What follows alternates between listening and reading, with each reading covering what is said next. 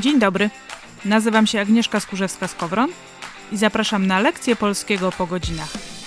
O literaturze, języku i kulturze. Z dorosłej perspektywy. No bo w końcu, jak zachwyca, skoro on nie zachwyca?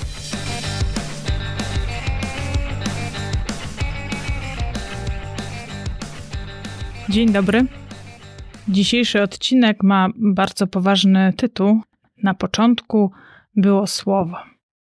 I chociaż tytuł jest no nieco patetyczny i oczywiście nawiązuje do Biblii, to pokazuje bardzo ważną rzecz, o której dzisiaj chciałam opowiedzieć.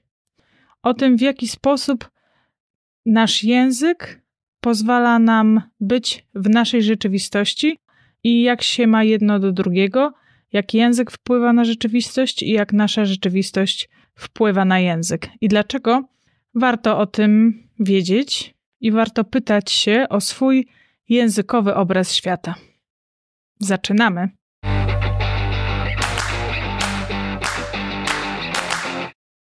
Na początek mam takie pytanie: po co nam język?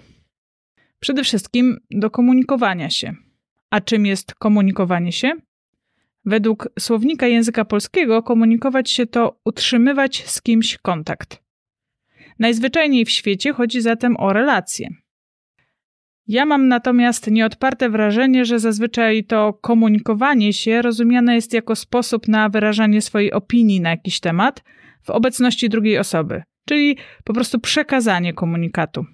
I wówczas komunikujemy się nie po to, by utrzymać kontakt, ale by mieć pewność, że nasza historia zostanie wysłuchana. Mimo wszystko warto jednak pamiętać, że w komunikowaniu się nie jest najważniejsze przekazanie komunikatu, a nawiązanie relacji. I to właśnie zmienia całą perspektywę, z jaką patrzymy na język i jego funkcje. I to zmieniło też moją perspektywę. Wypowiadanym przez nas słowom teoretycznie powinno towarzyszyć pytanie, w jakim celu coś mówię czy piszę. Czy przez to, co mówię, w jaki sposób mówię, nawiązuję z moim rozmówcą relację. I dotyczy to każdego przekazu językowego, niezależnie od tego, jak rozumiemy język czy tekst. Wiadomo przecież, że nie o sam akt mowy chodzi. Czy na przykład przez swoją wybitną, oczywiście, powieść nawiązuje relacje z czytelnikiem. Czy opisując, jak cudowny i jedyny na rynku jest mój produkt, nawiązuje relacje ze swoim klientem. Czy pisząc życzenia świąteczne, myślę o nawiązaniu relacji z adresatem. I tak dalej, i tak dalej. Juliusz Słowacki w swoim poemacie Beniowski zapisał powtarzane powielokroć zdanie Chodzi mi o to, aby język giętki powiedział wszystko, co pomyśli głowa. No i pytanie, czy zatem w głowie mam to samo, co na języku? Nastawienie na relacje. Po co tobie jest język?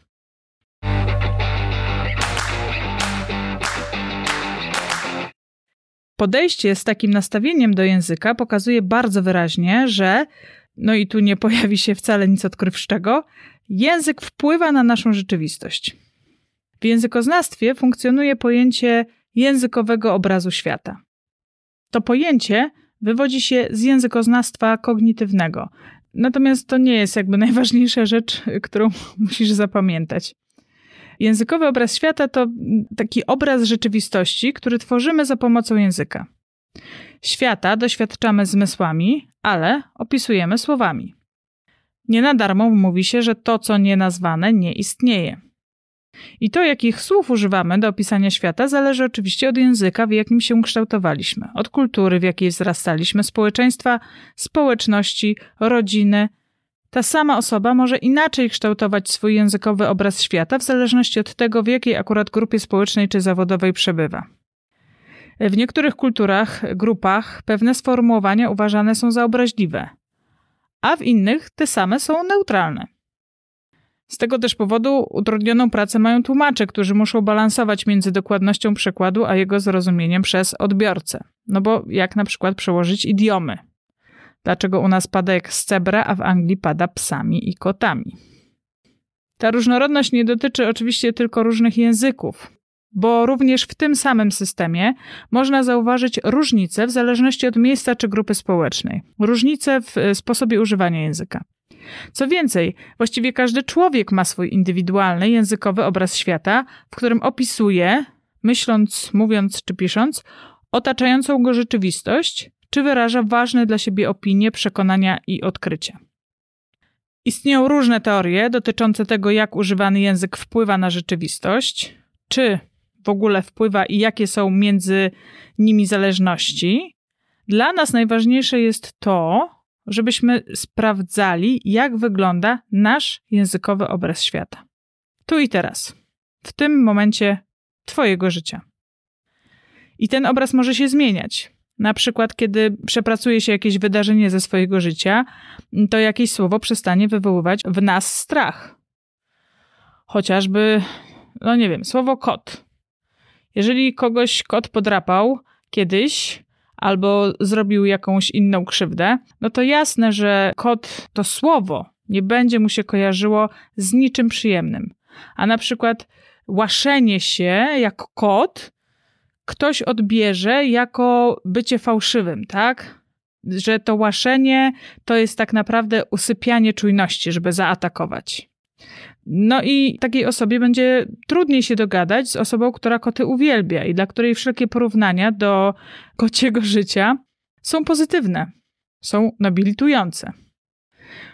I oczywiście ten obraz tego słowa w językowym obrazie świata, tej osoby skrzywdzonej przez kota, może też ulec zmianie, bo nie wiem, no przepracuje sobie to, albo w domu tej osoby pojawi się kot, który okaże się wspaniałym zwierzęciem i ta osoba zapała do niego miłością.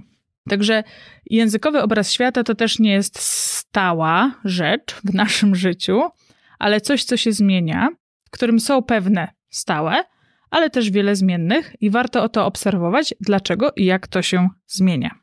Chodzi też o to, żeby zauważyć y, u siebie czy w komunikacji innych osób i pogodzić się z tym, że możemy przez nasz językowy obraz świata nie trafić do pewnej grupy osób, a z kolei inną zachwycić. Jeszcze się taki nie narodził, który by wszystkim dogodził, i nie ma tak, że wszyscy zachwycą się stylem mówienia, językiem jakiejś jednej osoby. Niestety tak nie ma, chociaż ja bym chciała inaczej. Jeżeli mi jeszcze nie wierzysz, że język wpływa na rzeczywistość i potrafi prowadzić do pewnych działań, to chciałam Ci przypomnieć albo powiedzieć w ogóle, jeżeli nie znasz, o piramidzie Alporta. Gordon Alport stworzył taką piramidę nienawiści, w której pokazuje co prowadzi do eksterminacji. Na czubku tej piramidy jest eksterminacja. Wcześniej jest przemoc. Wcześniej jest dyskryminacja, wcześniej jest unikanie, a na samym dole to największe pole, ta podstawa, to jest język.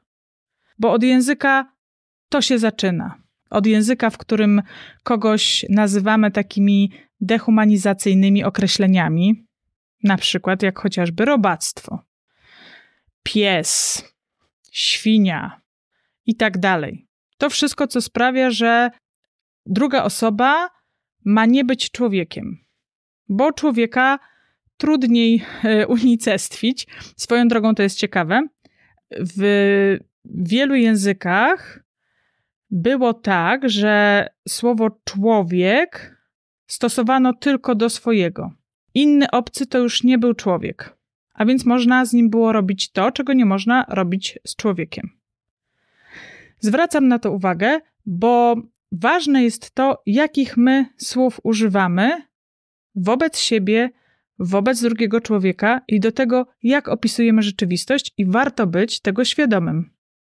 O tej kreacyjnej mocy słowa mówią nam różne przekazy najstarszych religii, bo gdy spojrzy się na te opowieści dotyczące początków świata w różnych religiach i kulturach, bardzo często, choć oczywiście nie zawsze, tym, co kreuje, jest właśnie słowo. W jednym z biblijnych opisów stworzenia świata, to człowiek nadaje nazwy roślinom i zwierzętom, nadając im sens. Nienazwane nie istnieje, zarówno to, co dobre, jak i to, co złe. I dlatego największą karą, jaka może spotkać człowieka, jest zapomnienie, nie mówienie o nim. W związku z tym nie dziwi, że niektórzy posuwali się do aktów nie tyle heroicznych, co barbarzyńskich, byleby tylko o nich mówiono.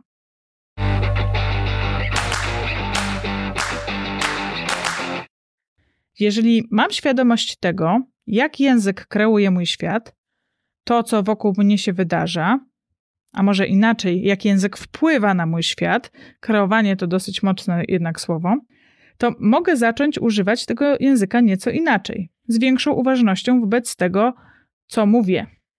I ciekawa jest w tym kontekście praktyka afirmacji, bo mówiłam o tej piramidzie nienawiści Alporta, ale jakby drugą stroną jest afirmacja. Wielokrotne powtarzanie jakiegoś zdania na swój temat sprawia, że w końcu staje się ono rzeczywistością.